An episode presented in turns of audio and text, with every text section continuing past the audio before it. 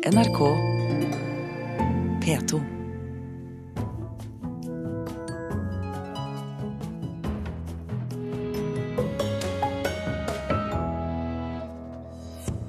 I dag møtes nemlig 150 Munch-forskere til konferansen om Munch og modernismen. Ny kulturskoletime vil gi enda lengre køer til kulturskolene, frykter rektorer og kulturskolene selv. Og Thomas Espedal inviterer ut på reiser og inn i sinnets irrganger i romanen 'Bergeners', som vår kritiker har lest. Det er altså Kulturnytt i Nyhetsmorgen i NRK. I dag åpner Munch-konferansen.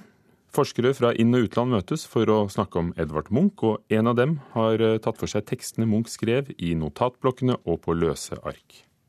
Jeg syns jo det er utrolig interessante tekster. Det er jo derfor jeg har valgt å, å holde på med det. Det sier litteraturviter Elin Kittelsen, som skriver masteroppgave om Edvard Munchs tekster.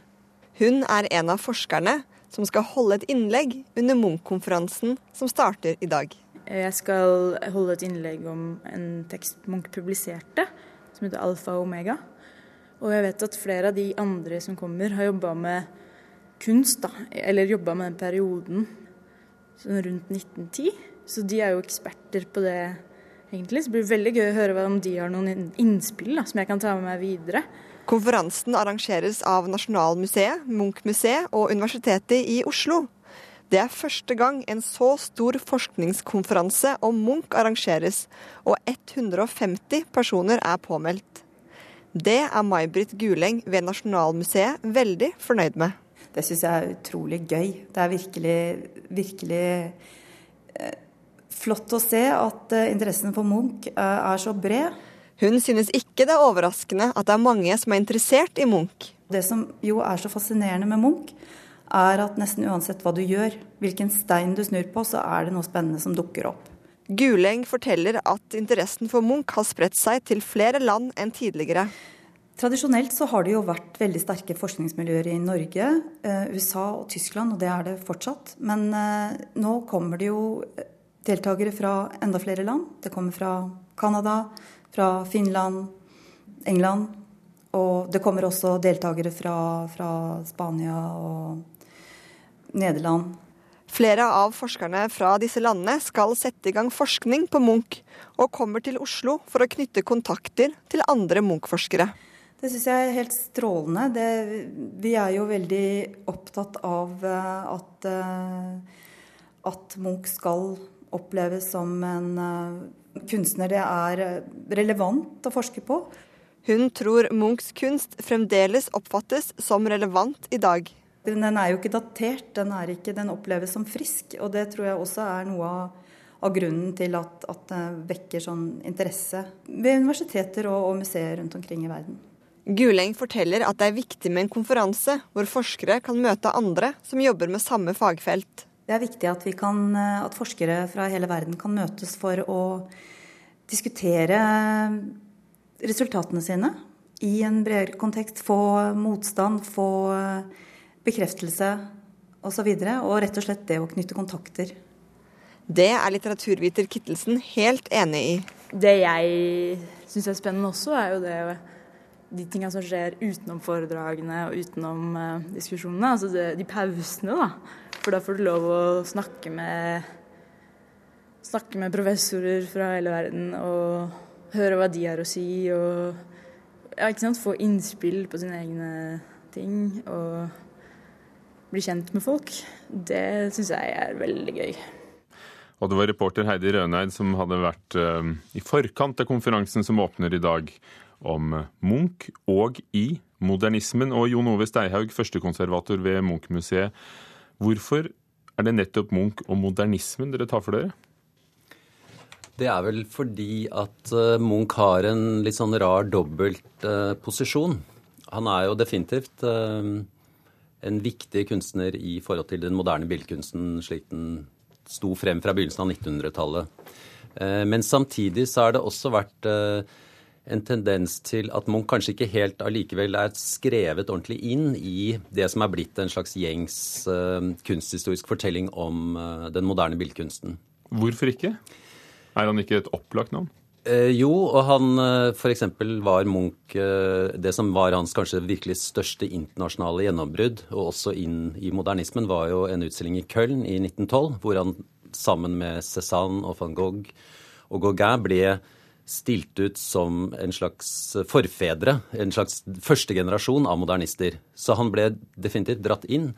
Men eh, du kan si at modernisme tok jo en utvikling mot det rent uh, abstrakte, mot det non-figurative. Og Munch og med kubismen osv. Og, så videre, og Picasso osv. Ehm, eller Mondrian. Uh, sånn at uh, han ble på en måte Altså Munch beholdt jo alltid en relasjon til det sette. Til et motiv, til noe der ute som ble omsatt malerisk. Og, så det har gjort kanskje at innenfor det som var en dominerende modernistisk fortelling, i hvert fall inntil 10-20 år siden, så, så, falt Munch litt på siden. Og så handler det vel også om at uh, Munchs verk har i stor grad vært å se i Norge. Og, han samlet jo, holdt jo på sitt eget verk og ga det til Oslo by osv. Så videre, sånn at det er også slik at hans verk er ikke så spredt ut på verdensmuseer som f.eks. van Gogh. Van Gogh eller Pete Mondrian som nevnte, ja. som det er ikke feil å si at man tenker på farger, prikker og streker. Og geometriske figurer. Men det er en påstand som er en gjenganger, nemlig at det forskes lite på Edvard Munch i Norge. Stemmer det? både ja og nei. Det er kanskje til en viss grad Det har kanskje vært riktig til en viss grad, i hvert fall hvis du sammenligner f.eks. med ja, antall doktorgrader på Ibsen og antall doktorgrader på, på Munch osv. Men eh, dette er jo definitivt noe som nå er i ferd med å snu litt. Bl.a. ved at eh, Universitetet i Oslo og mm, Nasjonalmuseet og Munch-museet nå har et eh, forpliktende samarbeid knyttet til forskning på Munch. Og med det nye Lambda-museet så er det jo også en tanke at, og en plan at man skal ha, få et eget senter for Munch-studier. Så jeg tror det, det kommer i hvert fall til å bli en sterkere satsing på eh, forskning på Munch fremover. For hvis det er sånn at eh, noe av grunnen til at han ikke har vært skrevet inn i historien om, om moderne billedkunsten, som du sier, eh, er at bildene står i, i kjelleren på Tøyen eller ja, utstilt i, først og fremst i Norge, så vil jo kanskje det være en måte å få forskere hit på, når mer kan ses? Men altså, jeg vil også tilføye at uh, allerede fra 50-tallet, altså helt før vi i det hele tatt hadde noe Munch-museum, så var det jo store vandreutstillinger i bl.a. USA. Så det har også hele tiden vært en strategi. Altså det har vært en bevissthet om at vi må vise Munch uh, ute i den store verden for nettopp å, å gjøre han tilgjengelig for uh, utover Norges grenser. Men det er ikke det samme som å henge permanent i alle museene? Det er det ikke. Denne konferansen som åpner i dag, eh, skjer i anledning 150-årsjubileet og den store utstillingen som pågår på Munchmuseet, Nasjonalmuseet og flere andre steder i byen. Vil det gjenta seg? Akkurat denne konferansen er knyttet spesifikt til denne jubileumsutstillingen. Men eh, i dette samarbeidsprosjektet med universitetet og Nasjonalmuseet så har vi jo et årlig internasjonalt eh, seminar med Munch-forskning. Takk skal du ha. Jon Ove Staug, førstekonservator ved Munch-museet.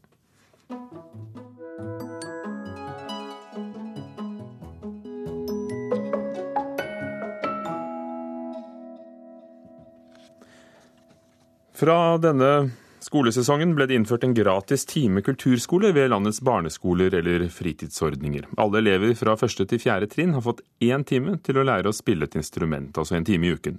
Men nå blir kulturskolene ofrene nettopp for sin egen suksess, for eh, rektorene mener denne ekstra kulturtimen fører til lengre ventelister ved de vanlige kulturskolene.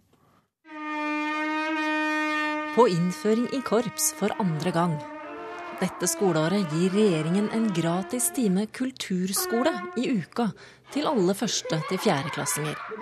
Den blir stort sett godt mottatt overalt, som her av rektor Anne Grete Mo på Våg skole i Våler kommune. Det syns jeg er veldig flott. Vi har ønska oss korps for å hjelpe til og bidra til at vi får korpset opp og gå her i Våler.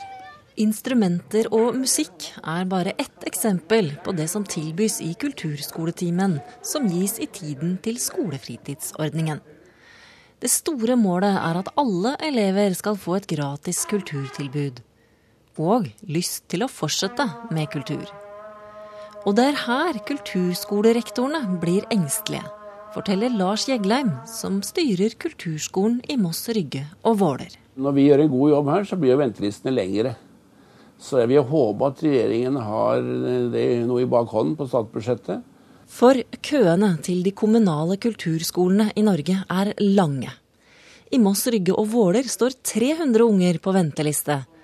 I landet totalt var de nesten 42 000 som sto i kø forrige skoleår. Det kulturskolen er bedt om, er å få ned ventelisten og bruke penger på det og få det til å bli rimeligere. Når nå regjeringen har valgt, fordi de vil ha et tilbud til alle, eh, å bruke pengene på et rekrutteringstiltak, så forutsetter jeg at vi får penger til å ta imot flere elever. Ellers så blir, så blir det vanskelig med enda lengre ventelister. Kunnskapsdepartementet bruker 177 millioner kroner på kulturskoletimen dette skoleåret, og vil foreslå å lovfeste den. Der frykter ikke statssekretær Elisabeth Dale økte køer i selve kulturskolen. Jeg mener jo at det er et luksusproblem hvis det handler om at det er flere barn som blir interessert i kultur.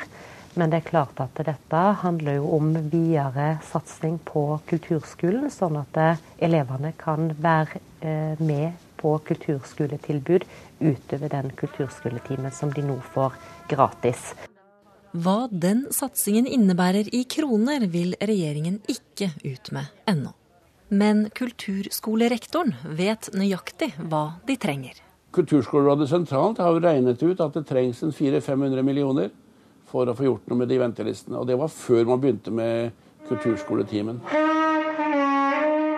Uansett går pengene til kulturskolene inn i rammetilskuddet til kommunene, og bruken prioriteres ulikt. Det kan lett føre til enda lengre køer, for rekruttene kommer. Det blir gøy hvis jeg liksom fortsetter, og så begynner jeg i et korps.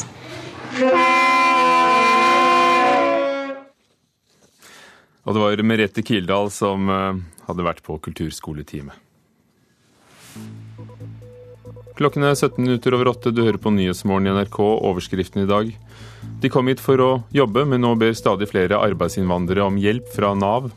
LO krever at Høyre sikrer utredning av oljeboring utenfor Lofoten. Oslo-politiet har de siste to ukene pågrepet over 50 vestafrikanere for narkotikakriminalitet. Og de første vogntogene fra Sveits er kommet til Nidarosdomen i Trondheim, for nå skal Steinmeier-orgelet bygges opp, og vi hører mer om det senere i Kulturnytt. Unesco har iverksatt en egen handlingsplan for å ta vare på kulturminnene i Syria, og flere internasjonale kulturarvorganisasjoner oppfordrer også USAs president Barack Obama til å beskytte Syrias viktige kulturminner ved et eventuelt militært angrep, melder Sveriges Radio. I Syria finnes noen av de eldste bevarte kulturminnene i verden, bl.a. fra de romerske, bysantinske og babylonske tidsalderne. Og Tora Aasland, leder for den norske Unesco-kommisjonen. Denne handlingsplanen som Unesco har iverksatt, hva går det ut på? Den går jo først og fremst ut på Det handler om å redde og bevare kulturarven i Syria. Og den går ut på at man skal både samle inn, skaffe seg kunnskap, samle inn informasjon om hva som faktisk er ødeleggelsene, hvordan situasjonen er. Og så skal man da øke bevisstheten omkring det som har skjedd, og sørge for teknisk hjelp til både å restaurere og sikre det man da finner. Og det er opprettet da et eget kontor et såkalt clusterkontor i Beirut som skal koordinere dette. Man har i tillegg hatt kontakt Hva, hva menes med et clusterkontor? Altså, hvordan skal dette virke i et så kaotisk område? Det, jo, det, må jo virke på en sånn måte at de etablerer et kontor i nærheten av uh, Syria, i nærheten av der hvor ødeleggelsen er. Og det er grunnen til at man, uh, man uh, i denne resolusjonen som er fattet den 29. august, det er veldig ny, så har man da erklært at det skal etableres et lokalt tilstedeværelse i Beirut. Og man har jo mm. også da, som jeg begynte å si, så har man også da etablert en kontakt med FNs spesialrådgiver Lakhdar Brahimi som, eh, som en viktig medspiller i dette. Det er alvorlig, og Unesco tar grep for å gjøre noe. I august viste Amnesty bilder av byen Aleppo, eh, sammenlignet bilder tatt i 2012 og noen tatt i år etter et angrep hvor bare ett angrepene tok 117 eh, liv. Så det er jo store menneskelige skader tillegg, og, og, og, mange liv som går tapt. Men i tillegg så var altså denne middelalderbyen, Citadelle, som var helt enestående, veldig ødelagt. Er det mye som er for sent å redde? Det er nok kanskje det, men det er det man skal få greie på mer om gjennom denne handlingsplanen. Og jeg er jo enig i at det verste er jo at menneskeliv går tapt, men det er også ille at så gamle og viktige kulturskatter, som er viktige for hele verden, at de også ødelegges eller går tapt. Og det man gjør nå fra Unescos side, det er å få den oversikten som er nødvendig, både for å vite om det er noe som det er ikke mulig å restaurere, men også for så fort som mulig å få satt i gang en sikring og et restaureringsarbeid, og f.eks. å hindre plyndring. Hva er det Unesco har på sin liste over eh, verdensarvminner i Syria? Ja, Det er seks eh, steder som er på verdensarvlista som, eh, som, nå er satt på denne farelista, altså kulturarv i fare. Og Det er eh, gamlebyen i Damaskus, det er Palmyra, som er en ruinby fra antikken, det er gamlebyen i Bosra, og det er Aleppo, som du nevnte. Og så er det da Korsfarerborgen, som også er en, en, en, et viktig kulturminne, og gamle landsbyer i Nord-Syria. Det er en lang liste nå som Eh, består av flere elementer, flere både enkeltbygninger, men også steder. Hvilke forhåpninger gjør du deg om at krigende parter tar hensyn til, til deres bekymringer? Vi må jo bare håpe at de, eh, at de, er seg sitt ansvar bevisst. Eh, vi så fra Irak-krigen at USA ikke var det. De hindret ikke ødeleggelser og plyndring. Etter det så har de heldigvis tatt en runde internt og ratifisert den eh, konvensjonen som er viktig også nå når det gjelder Syria. Eh, det gjorde de eh, ganske for ikke så veldig mange år siden, men det, det, bærer jo i det et visst håp om at de ser annerledes på en situasjon i Syria. Men det var ille det som skjedde i Irak. Vi kan se noen muligheter til at man tenker litt annerledes nå, og vår egen utenriksminister Espen Barth Eide har jo også sagt at det er gledelig at man nå har gjort en avtale mellom USA og Russland et, om, om disse kjemiske våpnene som et første skritt mot at man får en mer diplomatisk løsning på situasjonen i Syria. Takk, Tora Aasland, leder for den norske Unesco-kommisjonen.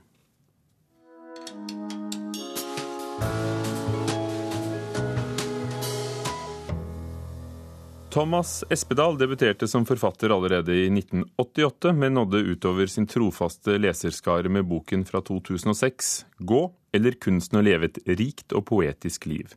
Etter det har han fått uh, gjeve nominasjoner og priser og mange gode kritikker. Bergenseren som etter eget utsagn har sluttet å dikte. I de senere bøkene gir han hovedpersonen forfatterens eget navn, og slik er det også i 'Bergeners', som er hans nyeste roman, og som Marta Norheim har lest.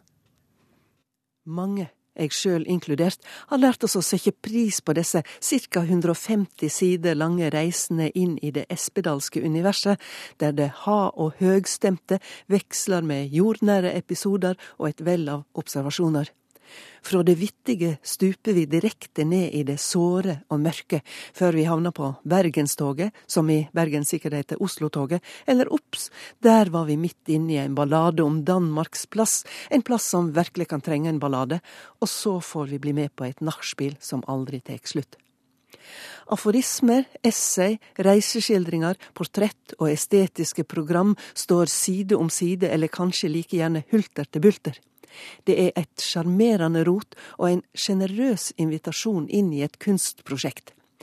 Jeg vurderte å si inn i et kunstnersinn, men jeg eh, tror nok at kunstprosjekt er mer presist, og det skal jeg komme tilbake til.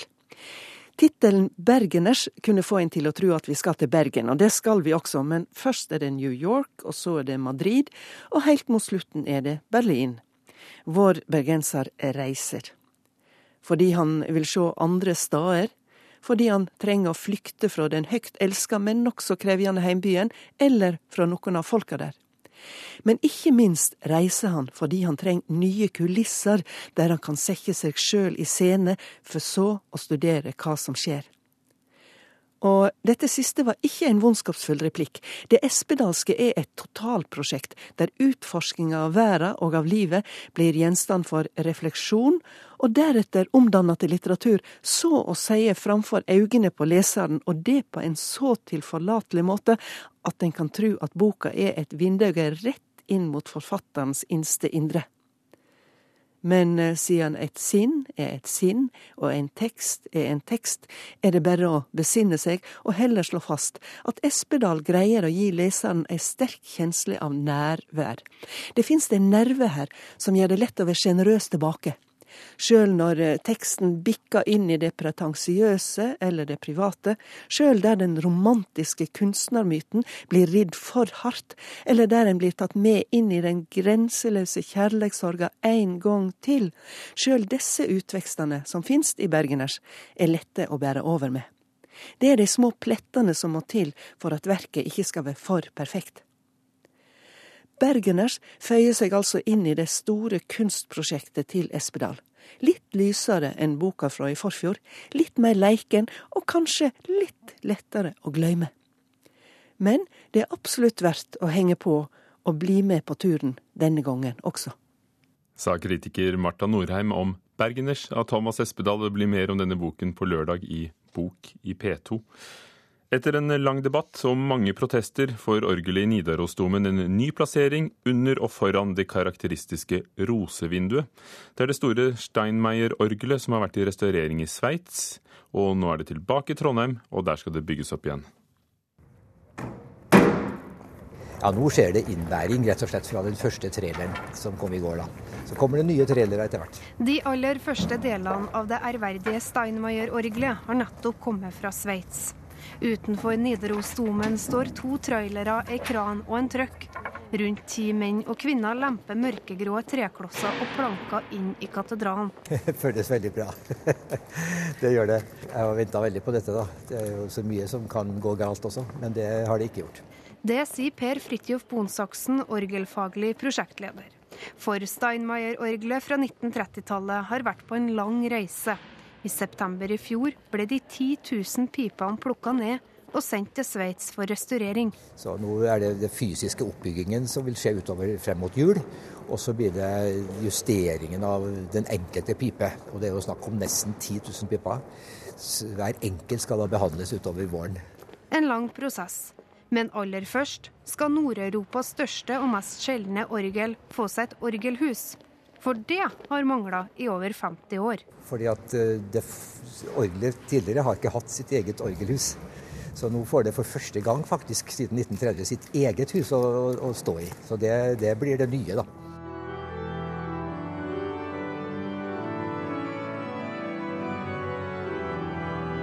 Orgelet skal stå under rosemaleriet på vestfronten. Riksantikvaren godkjente fasadeendringene Pipene skal senkes, og glassmaleriene skal få komme til sin rett. Altså Tilpasningen til orgelet i kirka her og det, det hele prosjektet, det er, det, er, det er, faktisk den største endringen i, i, i det indre i domkirken i i vår tid, dette her. Så det er ikke noe småtterier.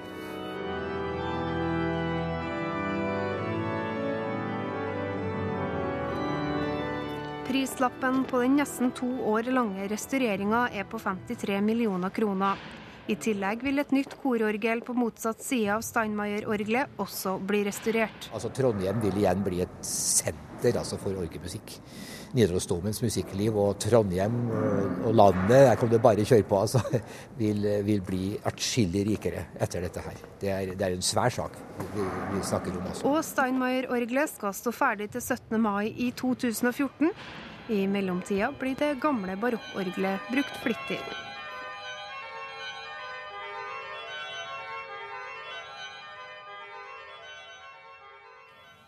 Og dette er nettopp barokkorgelet, og så hørte vi Per Fridtjof Bonsaksen, orgelfaglig prosjektleder i Nidarosdomen, som vår reporter Kaja Kristin Næss hadde truffet. Vi tar med at eh, den kunstneriske lederen ved Bolsjoj-balletten i Moskva er tilbake på jobb etter syreangrepet han ble utsatt for. Sergej Filin ble nesten blind etter å ha blitt angrepet av tre menn, blant dem danseren Pavel Dmitritsjenko, som har innrøpet angrepet. Filin har gjennomgått 22 øye- og ansiktsoperasjoner og har flere i vente. I Kulturnytt i dag har vi hørt at Edvard Munch ikke har fått en plass i historien om den moderne billedkunsten som han burde, mente Munch-museets mann da han forklarte hvorfor modernismen er tema når 150 forskere møtes i Norge i dag. Unesco etablerer kontor i Beirut for å samordre innsatsen for å bevare kulturminner under krigen i Syria. Og ny kulturskoletime vil gi enda lengre køer til kulturskolene. Og så anmeldte vi Thomas Espedals nyeste bok 'Bergeners'. Hanne Lunås var teknisk ansvarlig. Espen Alnes produsent, Ugo Fermarello programleder, og dette er Nyhetsmorgen i NRK. Hør flere podkaster på nrk.no podkast.